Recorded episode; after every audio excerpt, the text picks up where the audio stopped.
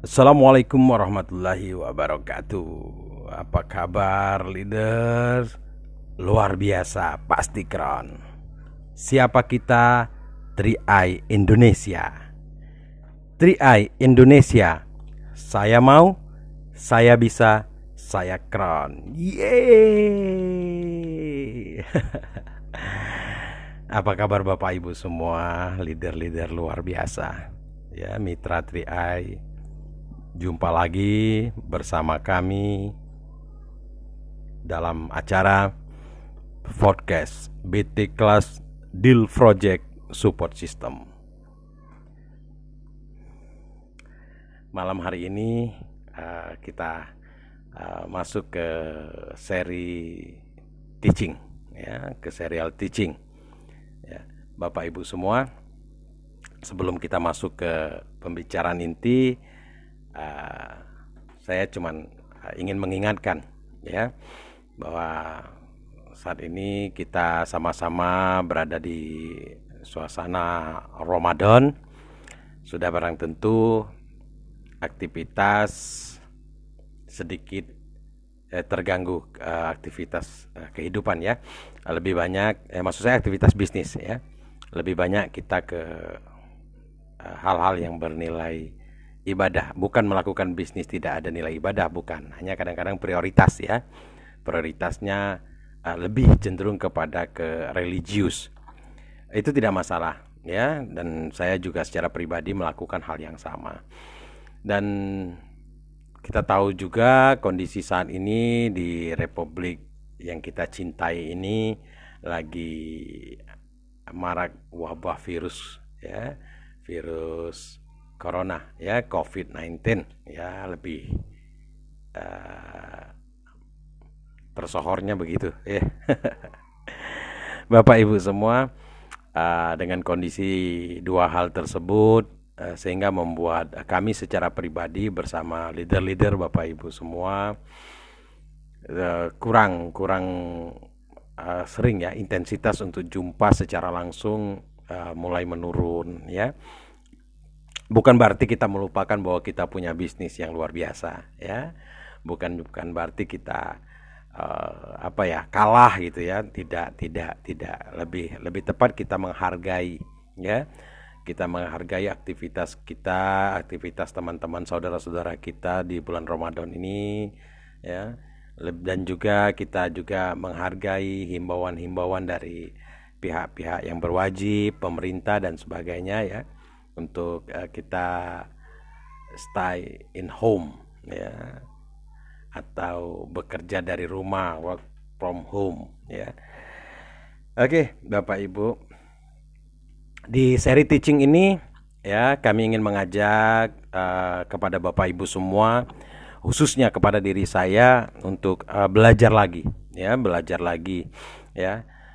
Belajar lagi akan banyak hal ya dan malam hari ini kita mulai dari satu hal terpenting ya dalam menjalankan uh, bisnis TKI Network. Namun sebelum kita masuk ke uh, poin inti, saya ingin uh, bercerita sedikit ya di mana sering kita temui ya uh, banyak orang join di 3i Network itu gini gini gini ada tiga fase. Ya. ada tiga fase orang bergabung di tiga i network. Ya. Fase pertama umum. Ya. Join karena manfaat produk. Ya manfaat produk kita ada dua. Ya tabungan investasi dan proteksi jiwa. Ya dua hal itu manfaat produk 3i. Ya. Nah tentu banyak sekali persentasenya lebih dari 50% orang join karena faktor manfaat produk ya. Jadi kita sebagai leader memaklumi ya karena memang kita menawarkan hal tersebut. Jadi jika mereka join dan hanya ingin menjadi nasabah setia saja, maka kita ndak ya maklumin saja ya. Karena memang itu yang kita tawarkan. Ya. Oke. Dan yang kedua ya ada namanya fase tambahan ya fase income tambahan. Ya, saya menyebutnya demikian dan insya Allah kita patenkan ya kan. Hmm. Fase income tambahan. Jadi fase ini di mana banyak sekali mitra tria. Ini persentasenya nomor dua nih, ya cukup banyak. Join, ya, ikut bisnis hanya beberapa waktu saja.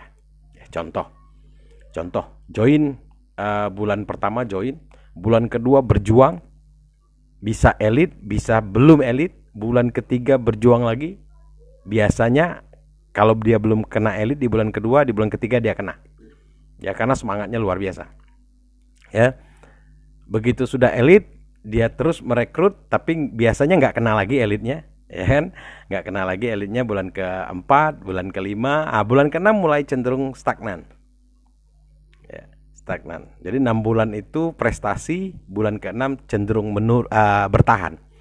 Bertahan tuh gini contoh dia punya nasabah atau secara keseluruhan nasabahnya mungkin udah 10 atau atau 15 atau 20 orang biasanya begitu ya. Atau 25 orang gitu kan biasanya. Uh, atau posisinya uh, maaf maaf tim agency gitu Nah, begitu sampai di titik tersebut, ya rata-rata di bulan ke-6, ya mereka mulai kerjanya cenderung menurun hingga ke bulan ke-12. Ya, itu cenderung menurun. Nah, orang-orang seperti ini kami menyebutnya mereka ada di fase tambahan income. Jadi fase manfaat produk, fase pertama yaitu orang join karena manfaat produk ya. Fase kedua orang join karena ingin dapat tambahan income. Apakah salah dengan fase ini? Tidak salah. Tidak salah ya. Karena memang ya poin yang kedua ini memang kita tawarkan saat kita presentasi. Ya kan? Kita presentasikan tiga yang kita bahas. Investasi insurance income. Mereka nangkep tiga-tiganya. Dan itu tidak salah ya. Nah, namun ya tidak sedikit dari para leader itu terkecoh dengan orang-orang seperti ini. Ya, fokus dengan orang-orang seperti ini, namun, namun, ya, namun kecewa sendiri. Ya, leader-leader ini, leadernya kecewa. Aduh, kok dia nggak mau aktif lagi ya? Padahal sudah elit lu. Habis itu nggak mau berjuang lagi, ya kan? Lebih parah lagi, dia tuh udah tim agency saya follow up terus pak. Ya. Untuk biar aktif terus ya kan. Biar dia masuk ke fase ketiga gitu ya. Nah bapak ibu semua ya leader-leader yang luar biasa uh, bisa gak mereka diajak untuk naik ke fase ketiga? Bisa bisa. Hanya tentu uh, butuh proses ya. Butuh proses. Uh, salah nggak kalau mereka bertahan di fase kedua? Saya tidak salah memang saat kita presentasi juga menganjurkan mereka untuk dapat income dan mereka sudah dapat ya kan nah, walaupun income-nya cuma cukup baru cukup untuk nabung bayar premi ya atau untuk tambahan-tambahan listrik, PDAM, iuran pulsa, ya iuran paket, ya kan, bayar paket gitu kan. Paling ya seperti itulah kurang lebihnya. Ya, tambahan income yang didapatkan. Ya namanya juga tambahan kan. Jadi tidak salah dari situ. Nah, yang lebih menarik lagi ada fase ketiga, ya fase pejuang. Saya menyebutnya demikian. Ya, di bahasa triainya itu fase pejuang. Nah, fase pejuang ini seperti apa? Fase pejuang ini fase fighter, ya. Ya, fase pejuang, fase pendobrak. Nah, tentu tentu ya, orang-orang seperti ini ya biasanya ya sudah memahami walaupun belum sempurna di dalam bisnisnya. Ya. Nah, tambah lagi biasanya dia sudah mulai masuk ke tahap-tahap sukses. Ya, orang-orang seperti ini. Nah, maka dari itu malam ini saya ingin bahas ya, bahas di fase ketiga bagaimana kita masuk ke fase pejuang. Ya, join dan ingin berjuang ya. Bukan join hanya manfaat produk bukan juga join hanya untuk mendapatkan tambahan income. Bukan. Sekali lagi bukan. Ya kita join ingin berjuang ya. Ingin berjuang untuk apa? Ya untuk sukses ya. Nah saya mengajak Bapak Ibu semua kita mundur satu langkah ya. Kita mundur dulu satu langkah untuk membahas bagaimana kita menjadi seorang yang betul-betul pejuang ya sehingga akhirnya nanti kita bisa sukses. Ya. Pak Berkat kenapa nggak usah mundur aja deh? Langsung aja nggak usah pakai mundur-mundur satu langkah. Oh tidak bisa ya. Kalau kita terus saja dengan pola seperti yang kita pahami dan itu belum tentu benar ya. Pola yang kita pahami kita terus perjuangkan bisa-bisa kita tidak sampai-sampai. Ya kan? Kenapa? Karena kita tidak introspeksi dan kita tidak merevisi. Ya kan? Penting dua hal ini, introspeksi dulu, benar atau tidak, baru revisi, perbaiki, baru kita berjuang lagi. Jadi kita mundur dulu satu langkah malam hari ini, ya. Oke, bukan begitu Bapak Ibu leader ya? Oke. Nah, untuk menjadi orang yang masuk fase ketiga yaitu join berjuang dengan serius dan akhirnya nanti sukses ya. Kita sangat paham atau pernah dengar ya dengan istilah di network ada langkah-langkah untuk sukses ya. Ada langkah-langkah untuk sukses. Oke. Banyak sekali. Ada yang menyebutkan tiga langkah sukses. Join, lakukan, sukses. ya kan? Benar nggak? Ya kalau saya secara pribadi menjawab ya sah sah saja. Kalau ngomong benar saya nggak berani jawab ya. Tapi kalau dilakukan ya sah sah saja. Ya, kan? namanya keyakinan. Dia meyakini bahwa cukup tiga langkah aja untuk sukses. Join, berjuang, sukses. Ada yang bilang lima langkah sukses. Wah ini nambah dua lagi langkahnya. Ya? Lima langkah sukses. Ya? Terus terang saja, saya senang sekali dengan lima langkah sukses. Kenapa? Ya kalau tiga mungkin terlalu cepat ya. Satu, dua, tiga, sukses. Atau yang kelima, eh, kenapa senang Pak Berkah? Ya karena sesuai dengan jari saya ada lima. Eh, atau sesuai dengan Pancasila. Ada lima gitu kan. iya iya. Uh, jadi begini. Dari awal saya meyakini dunia networking itu memiliki tujuh langkah sukses. Ya. Hingga hari ini tidak saya tambahi pemahaman saya itu walaupun saya mendapatkan input yang baru. Ya. Dan tidak saya kurangi walaupun saya mendapatkan langkah-langkah yang baru ya, lebih simple ya. saya tidak merubahnya. Dari awal saya yakin bahwa bisnis network akan menghantarkan setiap orang itu sukses ya. Bapak Ibu semua jadi saya tidak mengurangi ada tujuh langkah sukses. Oke saya bacakan poinnya. Yang pertama adalah impian dan sikap ya. Yang kedua daftar nama. Yang ketiga buat janji. Yang keempat presentasi yang kelima follow up, yang keenam alat bantu, yang ketujuh mentoring atau konsultasi. Ya. Nah, terus terang saja, saya tidak bisa menerima tiga langkah sukses, lima langkah sukses atau sepuluh langkah sukses, ya, jika poin ketujuh ini tidak ada. Ya. Karena apa? Karena tidak semua yang join itu orang yang sudah datang dengan langkah keempat. Jadi tinggal tambah tiga aja lagi. Dia udah tujuh. Ya kan? Tidak semua orang datang dengan langkah kelima.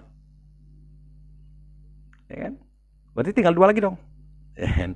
Maka itu saya kepengennya dari dasar kita mundur dulu satu langkah, pelajari dari dasar jadi tujuh langkah yang untuk membuat kita bisa sukses dan saya yakini ya tujuh langkah ini tidak salah bahkan lebih sempurna daripada langkah-langkah yang pernah kita dapatkan baik itu tutorial uh, dari Google, baik itu dari uh, video di YouTube, ya kan, baik itu dari training langsung, ya. Saya tidak mengatakan itu salah, tapi saya meyakini tujuh langkah sukses ini jauh lebih sempurna, ya.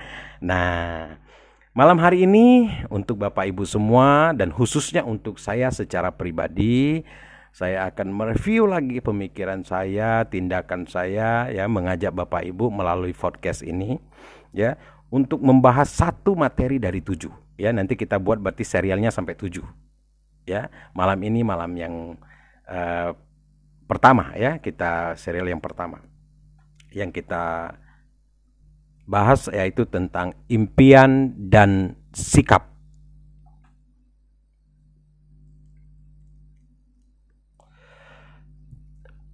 Nah, kembali ke fase tadi. Ya. Orang join karena manfaat, tentu dia nggak punya impian terhadap bisnis ini.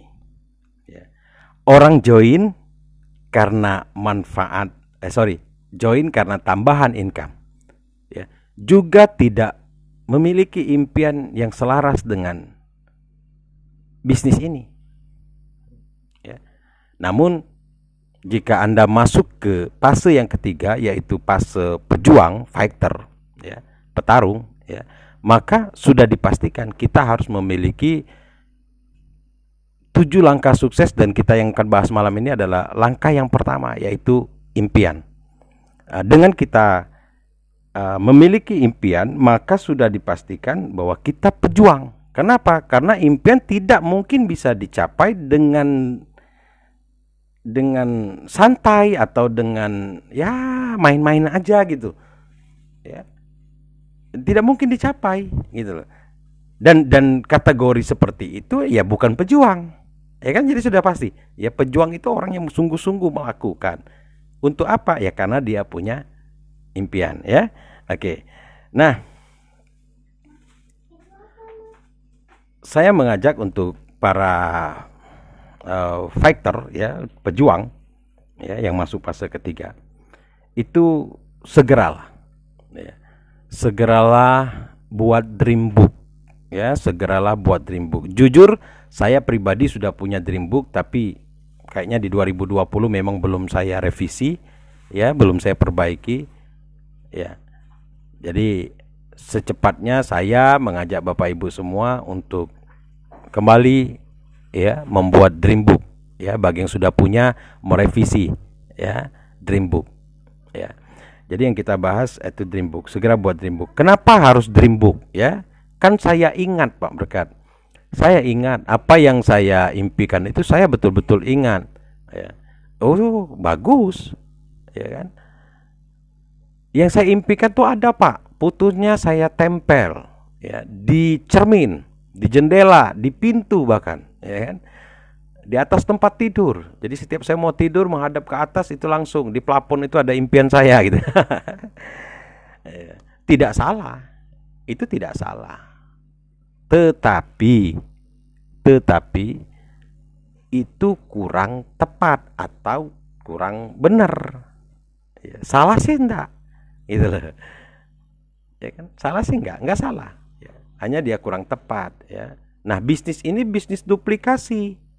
Bayangin kalau Bapak Ibu punya impian, ya, dipajang di pintu kamar, ya kan? Ya. Mitra Bapak Ibu seorang anak muda, tinggal di kos-kosan. Impian dia juga dia meniru Bapak Ibu, impiannya dipasang di pintu kamar. Ya, mungkin sih, mungkin. Ya, mungkin bagi faktor nggak ada rasa malu, jadi nggak ada tempel aja. Ya, kalau kita enak dilihat oleh pasangan kita, dilihat oleh anak-anak kita. Nah, kalau mereka dilihat oleh siapa? Dilihat oleh banyak orang, teman kosnya. Teman kosnya punya teman lagi, melihat lagi. Ya kan? Nah, kayak bilang, bukan salah, tapi tidak tepat. Karena tidak bisa diduplikasi. Kan begitu? Itu salah satu contoh. Kenapa harus dream book? Karena semua orang bisa melakukan. Ya, oke. Nah, dream book itu seperti apa? Dream book itu saya gambarkan ya, eh, saya ilustrasikan ya. Dream book itu bisa jadi album foto, ya, album foto kita punya album foto atau uh, buku buku yang tebal yang ada biasanya buku tebal itu yang ada apa spiralnya itu ya yang ada spiralnya atau kayak buku agenda gitu boleh itu dibuat dream book boleh boleh boleh ya Tergantung Bapak Ibu punyanya hari ini apa. Ya, kalau punya album, pas saya punya album, kayaknya bisa deh dipakai buat dream book. Oh, itu bagus, ya. Pas saya dream book uh, album foto nggak punya, ya kan? Yang punya uh, buku agenda yang udah nggak terpakai lagi, walaupun ada tulis tulisannya. Boleh nggak itu saya pakai? Boleh, boleh, boleh, ya, boleh. Ya kan? Jadi intinya buku ya baik itu berbentuk album ataupun berbentuk buku agenda atau buku tebal yang ada spiralnya itu ya. Nah, itu kita ambil, kita buat dream book ya menjadi buku impian kita. Ya. Apa yang harus kita lakukan dengan buku itu? Ah, kembali lagi ya. Apa yang menjadi impian hidup kita? Itulah. Ya, terus terang saja. Saya ya berkat Saputra ini bermimpi ingin memberangkatkan orang tua saya ke tanah suci. Umroh atau haji ya. Alhamdulillah ya.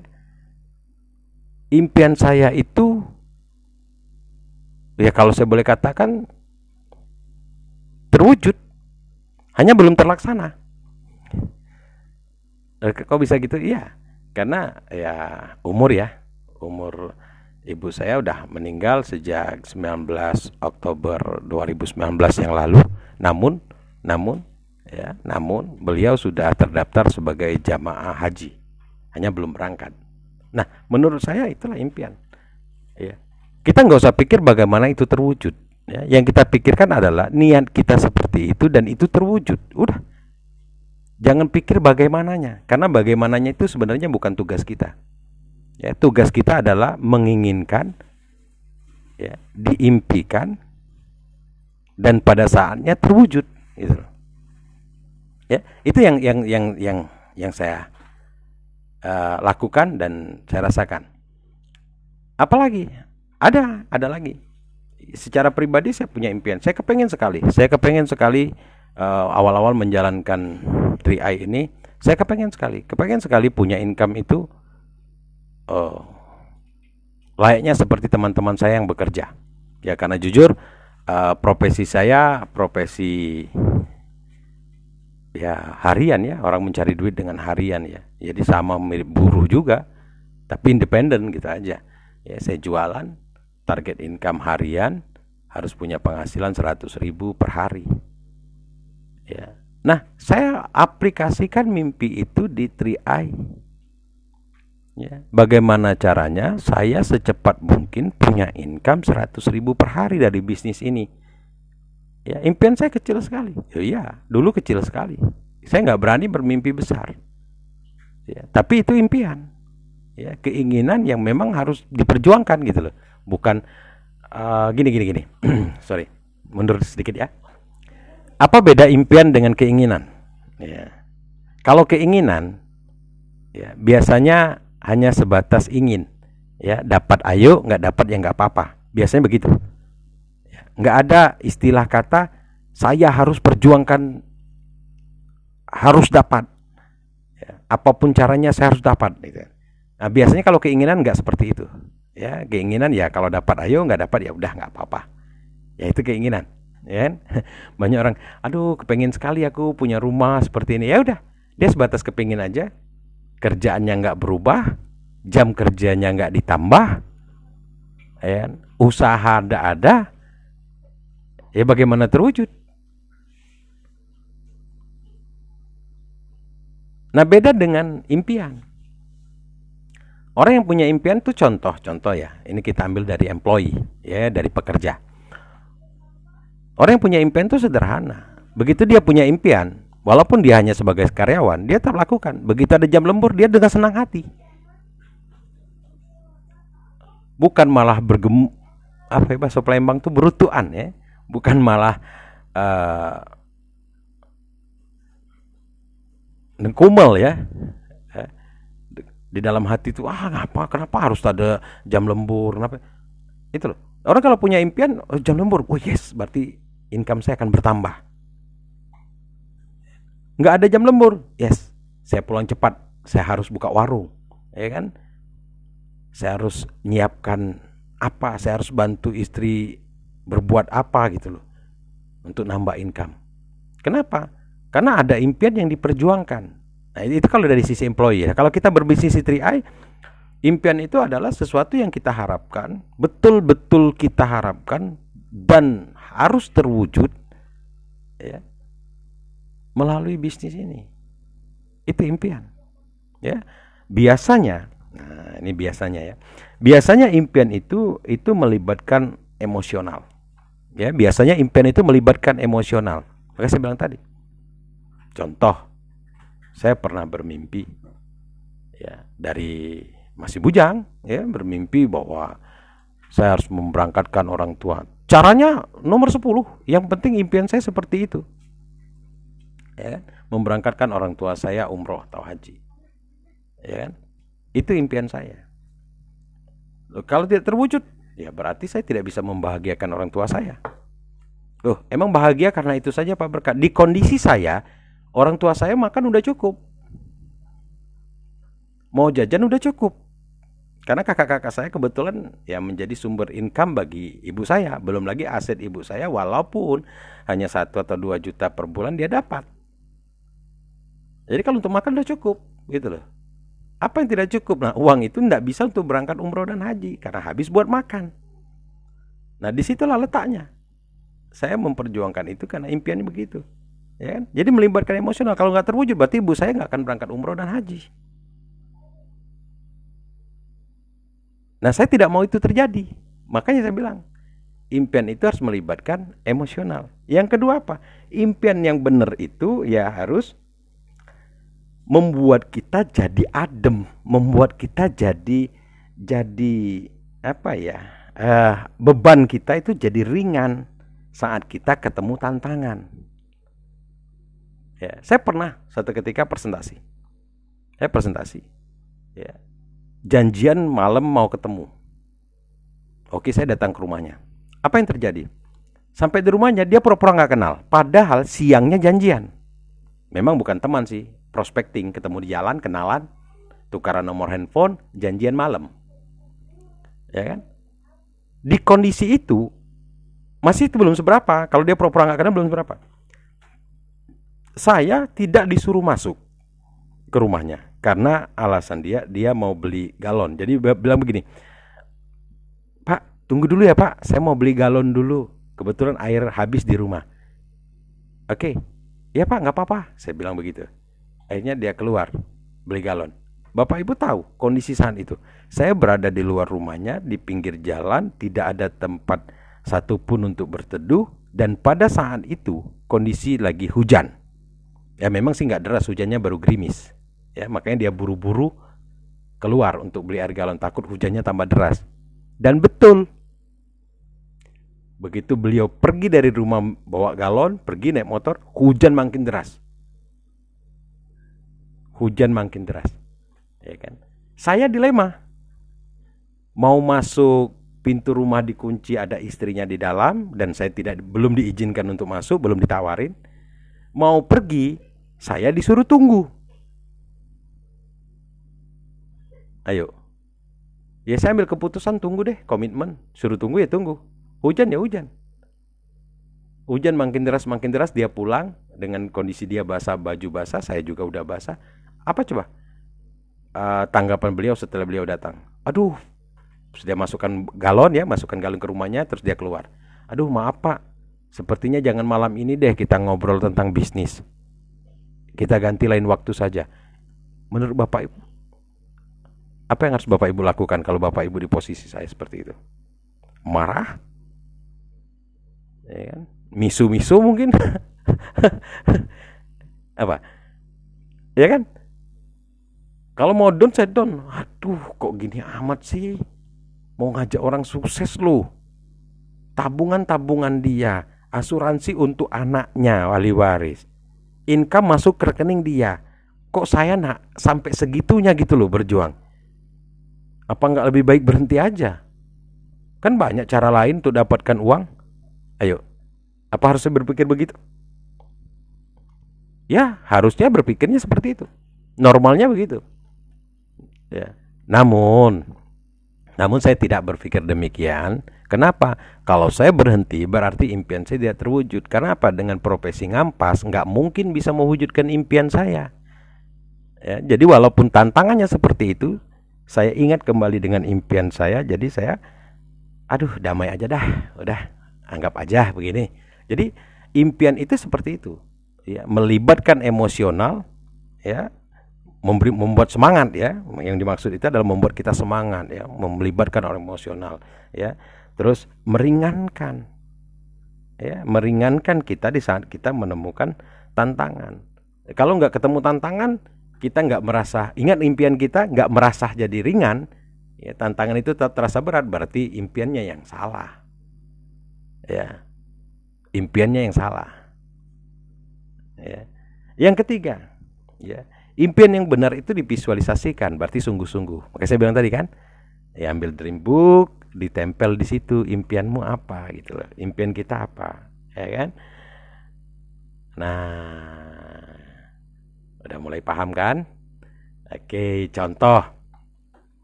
Saya ngobrol sama Pak Yongki kemarin malam. Pak Yongki kenapa tertarik dengan teriai wah karena ini ini ini, ini. untuk apa Pak Yongki? Untuk biaya pendidikan anak saya sekolah Pak Wah, impiannya itu. Ya. Punya satu ID, tambah satu ID lagi. Jadi punya dua ID. Sudah pasti punya dua polis berarti kan? Dia punya dua polis. Anaknya cuma satu. Ya, kebanyakan orang satu anak satu polis ya, enggak ya? Dua anak satu polis gitu ya. ya. Pak Yongki satu anak dua polis. Ya, kenapa? Karena impiannya kuat sekali. Dia takut nanti kurang biaya pendidikannya. Jadi dia tambah satu polis lagi. Untuk seorang anak jadi dikasih dua polis. Dan dia beliau katakan begini, kalaupun umur saya pendek, ada santunan. Memang tidak begitu besar, tapi setidaknya ada buat anak saya. Tidak cuman meninggalkan nama, ya kan? Maksudnya Pak, ya hanya bin gitu loh. ya anak ini anaknya anggap apa ya, anggap ya, ya, anggap kita contoh kan namanya Susi. Ya bin Maliki kan? Ya, cuman binnya aja yang ada. Apa-apanya udah gak ada lagi karena orang tuanya udah gak ada. Nah dia beliau beliau tidak mau seperti itu ya. Beliau mau ya ada bekal untuk anak dan jika dipanggil sewaktu-waktu oleh yang maha kuasa meninggal maksudnya ada santunan untuk anak. Nah itu impian. Nah hanya kalau kita bicara impian harusnya putu anak tadi masukkan ke dream book. Ya dikasih tulisan di situ. Ya tabungan ini untukmu kurang lebih begitu. Ya. Itu salah satu contoh ya. Anda kepingin apa? Saya kepingin mobil. Kenapa mobil? Karena anak saya empat pak. Kalau pergi-pergi sering tinggal tiga gitu. Sering tinggal dua. Ya. Jadi kayaknya rasanya nggak adil saya sebagai orang tua. Boleh boleh boleh. Ada alasan emosional. Ya, demi anak gitu loh, demi pergi bersama-sama. Ya. ya kan? Jangan kondangan dua pasang terus. Ya kan? Suami istri plus cuman bawa anak dua, anak duanya lagi tinggal di rumah. Yang dua makan ayam, yang duanya nggak makan apa-apa. Atau makan mie instan gitu kan karena tinggal orang tuanya kan. Ya kan? Yang dua dikenal, ya, teman-teman kita kenal, saudara kita kenal, yang duanya lagi nggak dikenal, kenapa nggak pernah diajak kan gitu kan? Kalau itu memang impian kita, ya nggak apa-apa, mobil. Mobil apa? Tentu buat keluarga, bukan buat gengsi-gengsian. Jadi bukan buat uh, mahal-mahalan, bukan. Penting buat keluarga dulu. Mobil apa gitu. Terus apa lagi impiannya? Punya rumah. Jadi bukan tuh sombong-sombongan. Wus punya rumah di mana? Punya rumah di kalau di Palembang sih di Grand Cita City yang harganya 2 miliar. Boleh nggak? Boleh, boleh. Itu impian boleh gitu. Tapi kalau memang belum punya, ya cari dulu yang kita batas kemampuan gitu loh. Nungguin 2 miliar kapan? Cari dulu yang 100 juta, yang 200 juta, yang 300 juta. Jadi bertahap. Ya. Setelah dapat baru naik lagi impiannya kan gitu. Jadi impian yang pertama yang harus dibuat adalah ya tahap dasar ya, tahap awal ya. Boleh banyak, boleh, boleh banyak impiannya apa Anda apa aja. Ya, impian Anda apa aja boleh tempel di situ, tapi tentu bertahap ya. Ambil dari yang cepat bisa didapat. Ya, contoh rumah, oh rumah yang harga 200-an juta dulu, boleh ya kayak gitu. Yang penting punya rumah dulu. Mobil, mobil apa aja deh. Ya.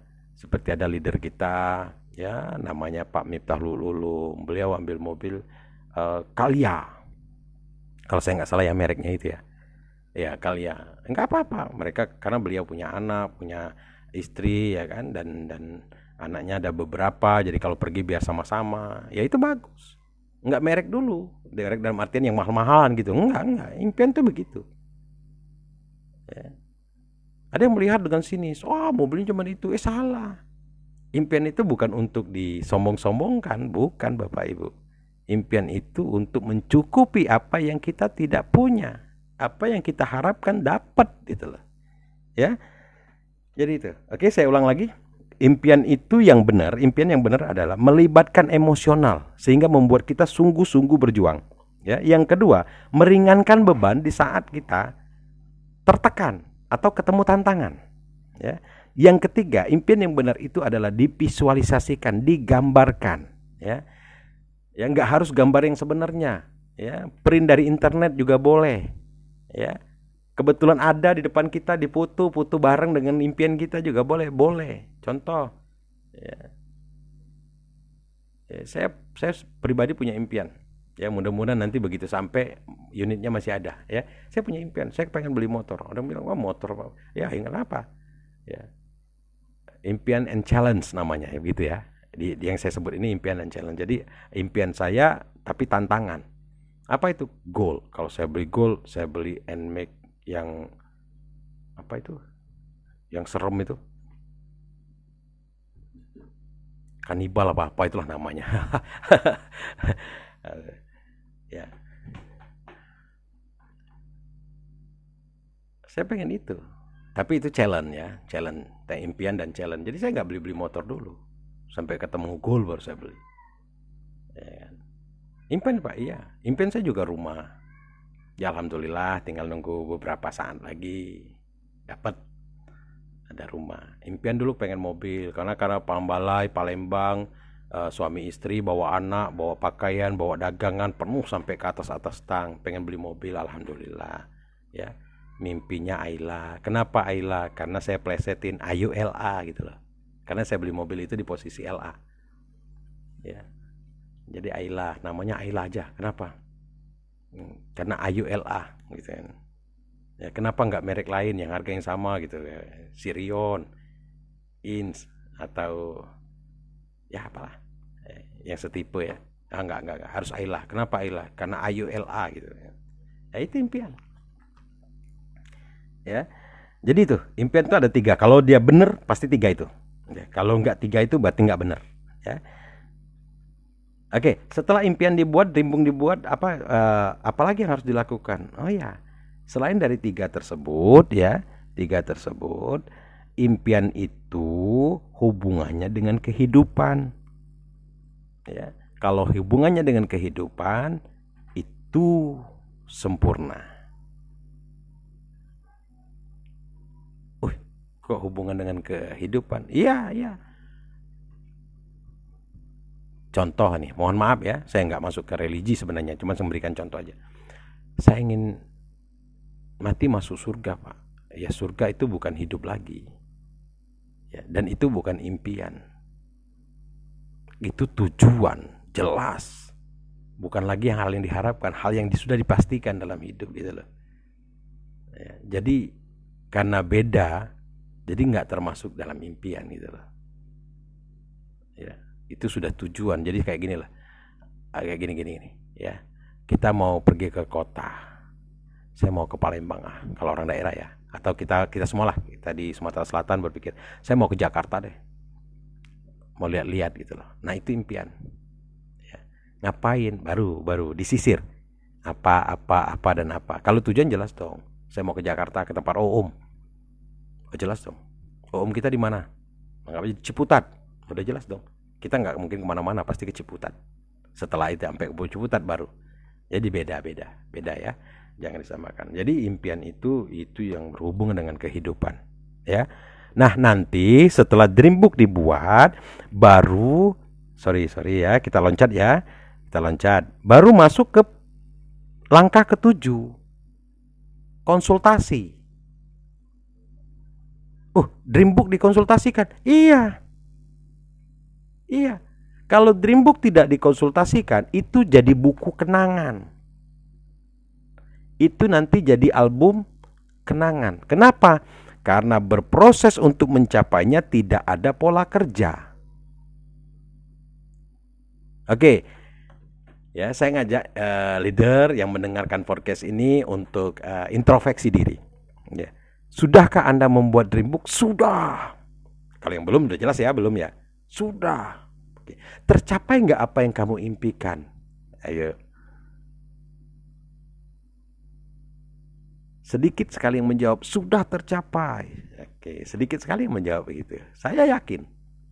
Ya. Begitu kita tanya lagi, ya, sudah tepatkah waktunya molor panjang? Ya, ya karena dia waktu di awal, saya kepingin beli mobil dua tahun lagi. Tapi nyatanya tiga tahun kemudian baru beli, empat tahun kemudian baru beli. Masalahnya apa? Masalahnya cuma satu, tidak dikonsultasikan. Andai kan dikonsultasikan, bukan molor waktunya, bahkan lebih cepat. Ya. Nah nanti kita bahas masalah mentoring ya. Ya, kita nggak usah nyimpang ke situlah. Tapi yang jelas impian itu sudah dibuat harus dikonsultasikan. Ya. Dan Bapak Ibu ya satu hal lagi. Ya. Kenapa harus memiliki impian yang hubungannya dengan emosional membuat kita jadi imun sistem uh, perjuangan kita jadi kuat ya tervisualisasikan ya. Itu untuk apa sih sebenarnya? Oke. okay lebih tepatnya lagi, kenapa kita harus melakukan itu semua? Ada hubungan itu semua. Lebih tepatnya lagi, itu untuk membuat imun sistem bisnis kita makin kuat. Jadi kayak kayak gini dah. Sekarang kan wabah corona nih, COVID-19 nih. Ya kan? Nah, kita disuruh stay in home, jadi istirahat di rumah, beraktivitas di rumah, jangan terlalu capek, jangan terlalu banyak bergaul dan agar tidak uh, tertular dan sebagainya kan. Kita disuruh lagi apa? Makan-makan yang sehat, ya. Apa suruh apa lagi? Disarankan apa lagi? Ya, minum vitamin, ya, vitamin C dan sebagainya. Ya, itulah. Tujuannya apa? Agar imun sistem kita, tubuh kita kuat, kita sehat, kita tidak lelah, kita tidak capek, kita tidak tertular ya, sehingga kita sehat ya bebas dari COVID-19. Nah sama di bisnis ini salah satunya adalah impian. Begitu kita sudah buat impian, benar cara membuatnya, tepat langkah-langkahnya, kita konsultasikan, maka dipastikan daya tahan perjuangan kita itu makin kuat. Tidak ada satu orang pun yang bisa mengalahkannya. Ya, teman yang nolak mau ngajak bisnis lain nggak mungkin berani. Ya kan? Saudara-saudara, keluarga kita, teman dekat kita, tetangga kita yang mengejek-ngejek itu sekarang sudah mulai layu. Begitu kita kuat. Mulai layu, ejekannya udah nggak kuat lagi. Ya. Wajah cemberutnya sudah mulai sedikit-sedikit senyum manis pasti melihat kita. Begitu kita punya dan Kenapa? Karena perlahan-perlahan sudah dipastikan impian itu akan terwujud minimal impian-impian kecil sudah mulai terwujud. Begitu itu mulai terwujud, maka yang suara-suara sumbang tadi mulai gugur, mulai layu, mulai berubah gitu loh terhadap kita. Belum lagi apa? Penolakan. Ya. Penolakan. Kalau orang tidak punya impian, penolakan itu bagaikan beban yang harus dipikul di pundak. Begitu ngajak orang orang belum mau, begitu ngajak orang orang ngasih PHP, begitu ngajak orang eh join satu bulan terus dengan nabung lagi. Ya kan? Itu seolah-olah bagi orang baru yang tidak punya impian, bagi orang yang tidak punya impian ya, tepatnya begitu. Itu seolah-olah bebannya di pundak. Padahal ya, padahal kalau Anda punya impian, ya sekali lagi dibuat dengan benar ya melibatkan tiga hal tadi ya dikonsultasikan sehingga target-targetnya itu pola kerjanya itu terlihat dengan jelas nyata itu menambah keyakinan Anda menambah keyakinan kita maka sudah dipastikan hal-hal tersebut hal-hal seperti penolakan PHP ya uh, muntaber ya itu bagai kita melihatnya ya saya pribadi ya saya katakan saya melihatnya itu hanya bagaikan bagaikan bintang di langit yang gelap malam hari. Saya cuma melihatnya itu kayak bintang gitu loh. Presentasi nolak presentasi nolak presentasi nolak. Yes yes yes yes yes. Ada yang join ntar lagi. Eh betul ada yang join. Ya kan? Bulan ini nambah nasabah 20 Wih, saya pull up, pull up, pull up, pull up, belum tertarik, pull up belum ada waktu, pull up belum bisa ketemu, pull up. Eh tuh ketemu. Begitu ketemu kita ngobrol. Masuk chemistry. Masuk chemistry jadi sahabat, ya, jadi akrab, jadi sahabat, jadi seperti saudara, akhirnya berjuang bersama-sama, sukses. Ya, yang tidak punya waktu di pull up tadi, udah nggak jelas ke mana. Ya, nabung aja udah impus-impusan. Padahal untuk impiannya sendiri nabung untuk keluarga. ya begitu. Ya. Kita melihatnya udah kayak kayak bintang aja gitu loh. Kalau kita punya impian, daya tahan tubuh kita kuat. Ya, jadi kita imun sistem dalam kita berjuang itu kuat kalau kita punya impian yang benar. Ya, nah, Bapak Ibu semua yang luar biasa ya. Jadi uh, saya pikir penjelasan saya menurut saya tapi ya, menurut saya sudah cukup menggambarkan bagaimana kita harus punya dream book ya sehingga kita bisa mengumpulkan berapa banyak impian kita dan kita buat dengan benar. Kita buat dengan benar sehingga mudah untuk dikonsultasikan dan menemukan pola kerja. Ya, menemukan pola kerja. Insya Allah saya yakin 99% sukses. Ya. Kenapa? Karena benar caranya. Ya kan? Sungguh-sungguh pasti melakukannya. Ya. Tapi kan kepastian milik Allah Pak berkat enggak. Yakinlah. Karena aku sebagaimana prasangka hambaku, begitu kata Allah. Ya. Yakin aja, ya Rahman, ya Rahim. Dia kasih dan dia sayang. Udah. 99%. Saya meyakini itu tercapai. Oke, Bapak Ibu leader, ya. Jadi untuk sesi uh, uh, serial serial teaching, serial teaching di sesi pertama yaitu impian, ya, dan sikap, ya sikapnya bagaimana Pak Berkat? Oh enggak. Ya setidak-tidaknya dengan kita membuat dream book itu ya sikap kita sudah benar. Ya, setidaknya begitu dulu. Nanti kalau kita belajar tentang tentang uh, leadership ya, leadership ya. Baru nanti uh, bagian dari sikap itu. Tapi yang jelas sikap kita terhadap bisnis ini sudah benar kalau kita melakukannya dengan seperti yang kita bahas tadi, ya. Iya.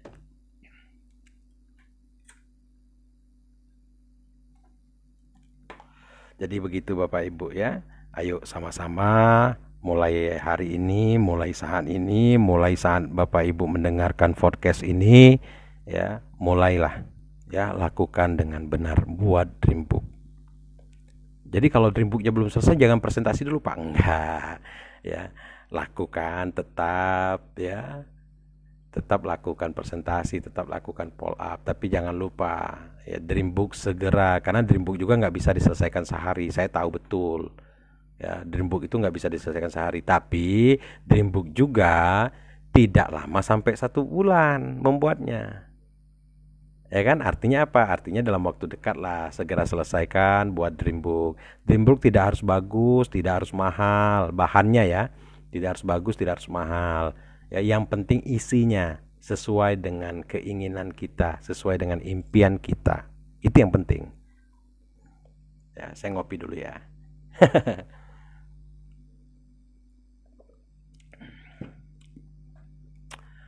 Oke.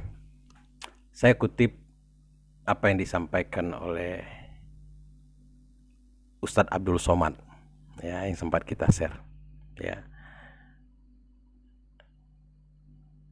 Bahaya sekali ya. Silakan nanti simak lagi videonya. Bahaya sekali kalau kita tidak punya impian ya. Bermimpi saja kita sudah tidak sanggup ya. Bagaimana itu terwujud? Ya kan? Seperti yang saya bilang tadi. Memang almarhum ibu saya belum berangkat haji dan belum berangkat umroh. Tetapi setidak-tidaknya bagi saya, beliau sudah terdaftar sebagai jamaah haji. Tinggal nunggu kuota, itu aja. Ya karena saya belum kron, kalau saya ada kron mungkin saya paketnya plus-plus. Ya, namun juga belum lama sih. Ibu saya daftar baru satu tahun kurang lebih. Ya, jadi walaupun high plus plus juga mungkin mungkin juga belum dapat. Jadi harus tahun kedua mungkin baru dapat plus plus ya karena kan daftar haji juga nggak langsung dapat langsung berangkat karena walaupun plus plus juga dilihat kuota kalau kuotanya dapat ya dapat kalau kuotanya nggak biasanya tahun keduanya. Jadi saya juga nggak terlalu menyesali itu. Tapi setidak-tidaknya saya bilang tadi ya itulah impian. Ya oke malam hari ini bapak ibu semua terima kasih waktunya. Ya terima kasih kesempatannya. Terima kasih uh, atas kepedulian Bapak Ibu terhadap bisnis ini, terhadap impian kita sendiri, impian Bapak Ibu sendiri, impian masing-masing ya. Dalam serial edukasi, serial teaching ini ya. Bagaimana kita memulai langkah bisnis dengan benar melalui langkah-langkah yang tepat, yaitu yang pertama dream, impian. Saya berkat Saputra mengajak Anda semua mitra 3i khususnya di BT Class Deal Project Support System ya mari kita bersama-sama bergandeng tangan lakukan bisnis ini dengan benar sehingga bisa diduplikasi oleh banyak mitra dan kesuksesan kita semua dengan mudah bisa tercapai ya. saya akhiri di malam hari ini Maaf kalau ada salah kata. Tidak bermaksud untuk menyinggung siapa pun. Tujuan kita adalah belajar. Belajar bersama. Sukses untuk kita semua. Go Kron. Wassalamualaikum warahmatullahi wabarakatuh.